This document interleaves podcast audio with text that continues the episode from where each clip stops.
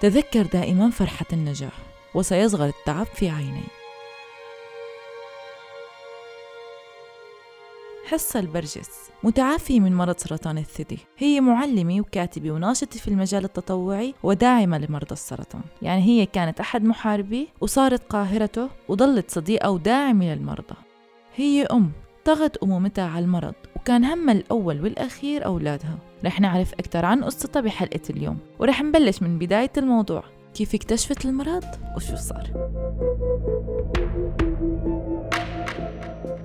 اكتشفت المرض بالصدفة. كنت توني صاحية من النوم وحسيت بالورم. وكانت كتلة صغيرة جدا يعني قد تعتبر شيء لا يذكر. فتركتها تركتها لمدة شهر كامل تقريبا.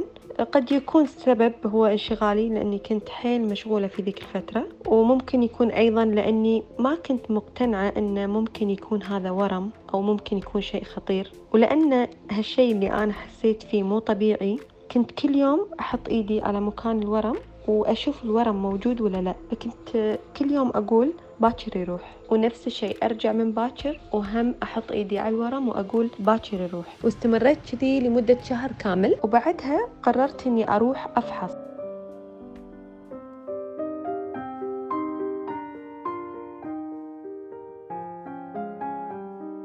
طبعا أول شيء توجهت للمستوصف القريب من البيت وهناك صار في فحص سريري وكذي فالدكتورة بدورها حولتني للمستشفى. وبالمستشفى تم إجراء الفحوصات كلها واستمرت الفحوصات تقريبا أيضا لمدة شهر.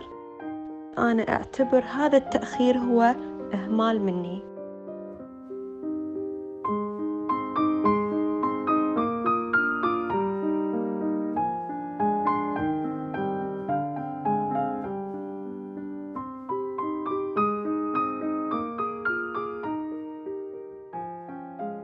وعن أصعب اللحظات اللي عاشتها حصة؟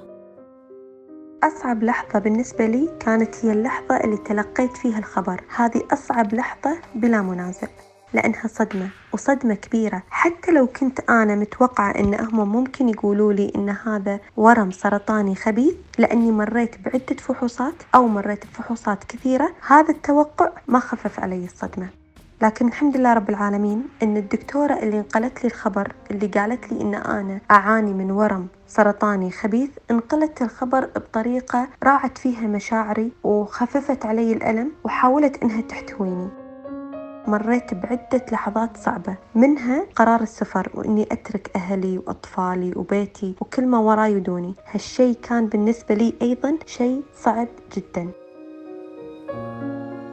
وبالنسبة لعائلة حصة لما صار فيني مرض السرطان عيالي كانوا صغار. وأكثر شيء أحزني إني كنت راح أسافر وأخليهم. أسافر لمدة غير معلومة ما كنت أدري متى راح أرجع. ما كنت أدري هل راح أرجع ولا ما راح أرجع. كنت أقعد أبكي بالساعات عشانهم. حزني بالبداية ما كان لأني مريضة كان لأني أخاف أروح عنهم وما أرجع لهم. كنت أخاف يبقون من غير أم. لكن بالنهاية خليتهم عند اللي أحسن مني عند اللي راح تهتم فيهم أكثر مني خليتهم عند أمي. وأختي اللي ما قصرت أبد معاهم. والحمد لله زاروني أكثر من مرة بلندن. وطول فترة العلاج أصريت أني أخلي الصغير معاي لأني ما كنت أبي يكبر بعيد عن عيني. والحمد لله رغم المرض قدرت أني أعتني فيه وأدي واجبي كأم تجاهه.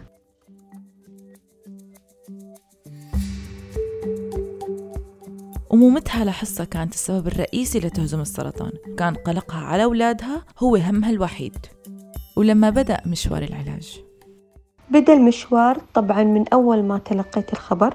وتم دخولي للمستشفى لأنه كان في عدة إجراءات وفحوصات. أيضا لازم أسويها غير الفحوصات اللي استمرت تقريبا لمدة شهر كامل.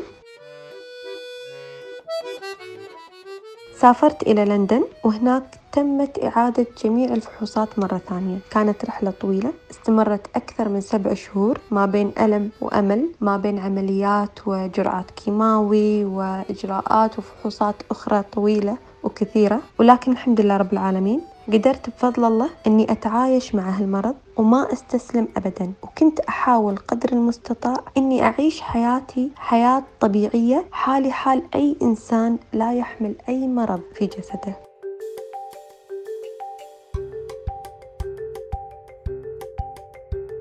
صح.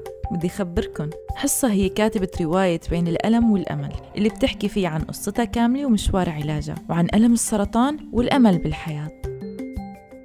صحيح أن السرطان مرض مؤلم ومتعب لكن لا يعتبر نهاية الحياة. كونوا متفائلين وخلوا ثقتكم بالله كبيرة ومعنوياتكم دائما مرتفعة لا تستسلمون. لا تستسلمون أبدا. سألت لحصة هل صادف التنمر من المجتمع؟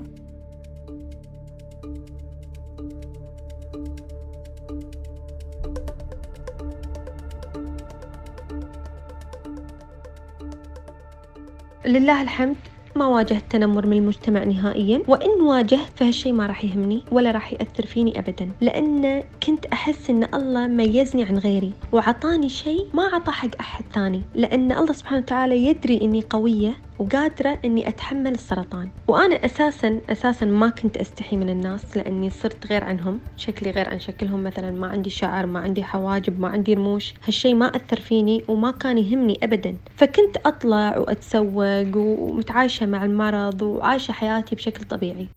أغلب مرضى السرطان بيواجهوا تنمر من المجتمع لدرجة إنه هالشي بيأثر سلبا على علاجهم ومناعتهم ونفسيتهم وصحتهم لهيك كتير بهمني أعرف هالأبطال أكتر. هل يا ترى هني أقوياء على المجتمع وتنمره مثل ما هني أقوياء ضد السرطان؟ كل حدا بيعيش الصعب يا رح يتغير للأحسن أو للأسوأ. وهلأ خلينا نعرف حصة كيف تغيرت. تغيرت وايد بعد السرطان وكل التغيرات اللي صارت لي أعتبرها إن شاء الله هبة وهدية من رب العالمين وتعويض لي على صبري وتحملي للمرض. تغيرت للأحسن وايد أشياء كنت أتمنى أسويها قبل المرض تحققت بعد ما تشافيت من مرض السرطان والحمد لله. وعن الإنجازات اللي حققتها هالبطلة منها أنه صار عندي مشروعي الخاص لتصميم وبيع الملابس في الإنستغرام وكملت دراستي وطورت من نفسي دخلت عدة عدة دورات وأصبحت عندي شهادات عديدة منها مدرب معتمد مستوى أول مدرب معتمد مستوى متقدم. كتبت قصة كفاحي مع المرض من خلال رواية بعنوان بين الألم والأمل ولاقت النجاح والحمد لله. كان لي العديد من اللقاءات على لايف انستغرام خلال فترة الحظر الكلي في أزمة كورونا آه، مع متعافيات من مرض السرطان وشخصيات متخصصة في عدة مجالات مختلفة تخدم مرضى السرطان.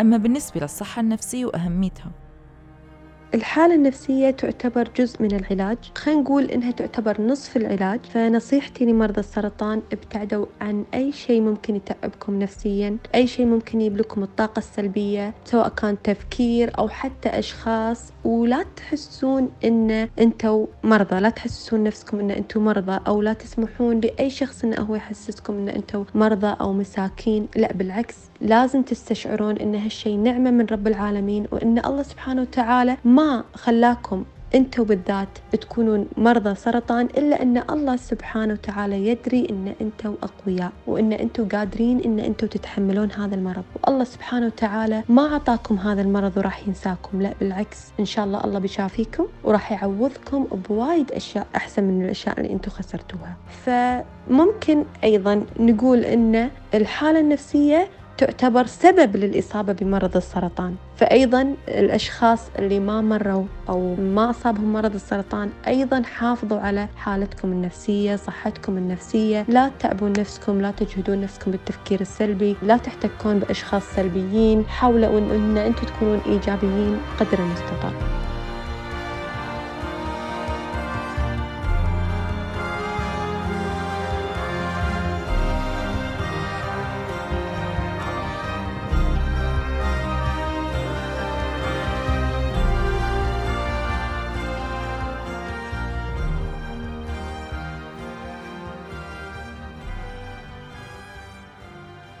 سنكون يوما ما نريد. لا الرحلة ابتدأت ولا الدرب انتهى. فينا نحقق كل شيء وما في شيء مستحيل. المستحيل بيكون متواجد لما نكون مستسلمين إله. لهيك ما في مستحيل. قدرت حصة تتجاوز مرضها بالرغم من شعورها بالخوف على عيلتها. وقدرت تحقق كتير بحياتها من إنجازات ونجاحات. وصارت أحد أهم داعمي مرضى السرطان. هاي هي حكاية حصة وهاي كانت حلقتي لليوم من بودكاست حكايتي مع السرطان. كنت معكم بالإعداد والتقديم أنا غيداء مراد آغا. شاركونا آرائكم وتعليقاتكم عبر الواتساب على الرقم 00971 568 531 592 استنونا بأمل جديد وحلقة جديدة. سلام.